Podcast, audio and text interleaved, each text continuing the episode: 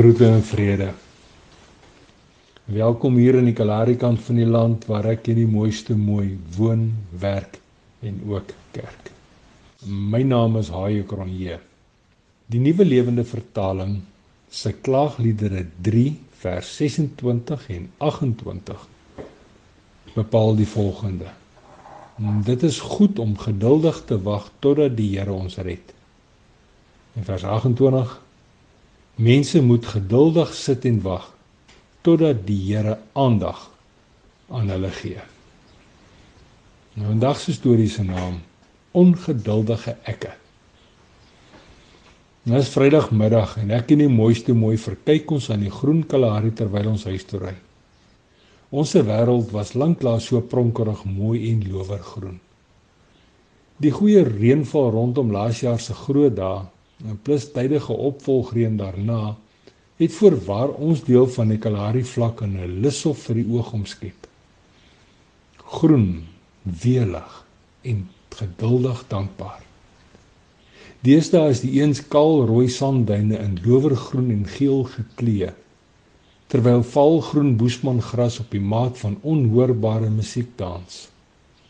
Selfs die kaal sandstrate pronk deesdae met gras wat heuphoogte vol in die saad staan. Kyk, laat ek nou eerlik wees. Ons wêreld en sy se mense is dankbaar. Geduldig dankbaar omrede die afgelope jare se droogte iewers agter ons lê. Ons het skaars die agterdeur agter ons toegetrek toe my selfoon lui. Dis een van die koöperasie se werknemers en haar stem klink heel verward en selfs benoud. Het oom enige gif vir sprinkane? Oom moet tog gou kom kyk. Die hekkepad langs oom se huis lyk amper soos bloedrivier van die verfoeilike sprinkane.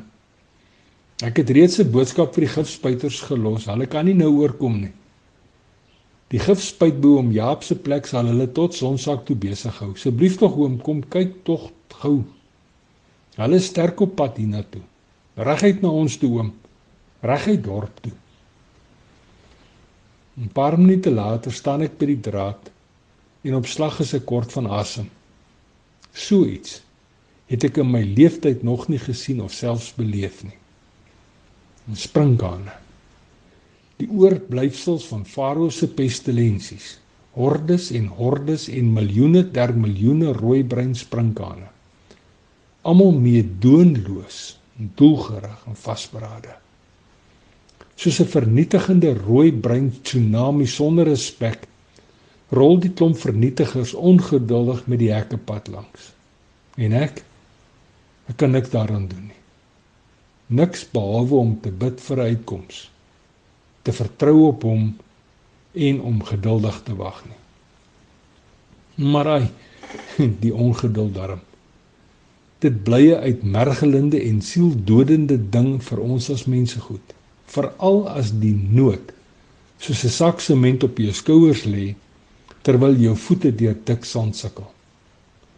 Ongeduld maak dat mense gedagtes maklik met jou menswees wegloop en ronddwaal. Soms tot ver wyd aanderkant die grensdrade van jou verhouding met die kerelkind van God. En daar aanderkant die grensdrade is die vensters van ons harte nie vir hom oopgemaak nie.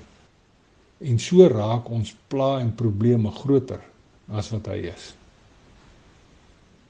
En so was dit ook met my daardie Vrydagmiddag net voor Sonsak. My dink en my gedagtes het soos uitbreek donkies woeselloop gegaan. Ongeduldig begin ek planne maak.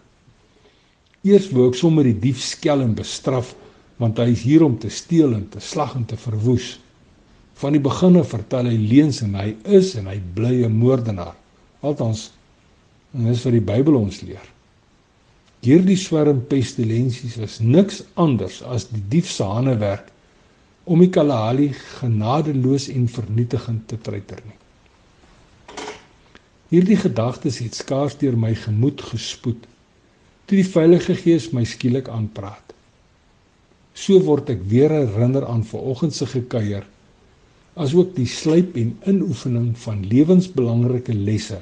Dis nou geleer in my gisterdae. Ek word weer daarop gewys dat my oog op Jesus moet wees omrede sy oorwinning reeds opgeteken is. daarmee saam word ek weer onthou dat daar geen einde aan ons Vader se goedheid en sy genade is nie. Die Skepper van hemelgoed en stofaarde se ontferming vir ons kan nie opgebruik word nie. Sy ontferming is splinternuut elke oggend. Veral vir ons wat hom soek en geduldig vir hom wag.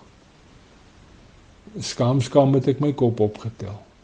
My skouers reguit getrek, my bors uitgestoot en my ongeduldige dwaalende gedagtes bymekaar gemaak met my rug op die oorblyfsels van Farao se pestilensies gedraai en my oë opgehef na die hemele soos ou koning Dawid het ek gebieg.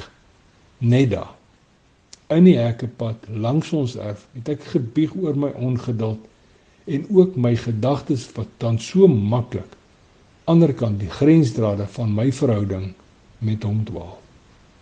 Nou ja presies op daardie selfde plek waar ek omgedraai gebieg en begin het om geduldig op Vader se uitkoms te wag was die gifspuiters die volgende oggend net na sonopdag net daar in die hekkepad langs ons erf die oorblyfsels van Farao se pestilensies is die stryd aangesê 'n jare wat later was alles verby en die sprinkane is dood en ons deel van die Kalahari die is steeds spronkerig mooi en lowergroen.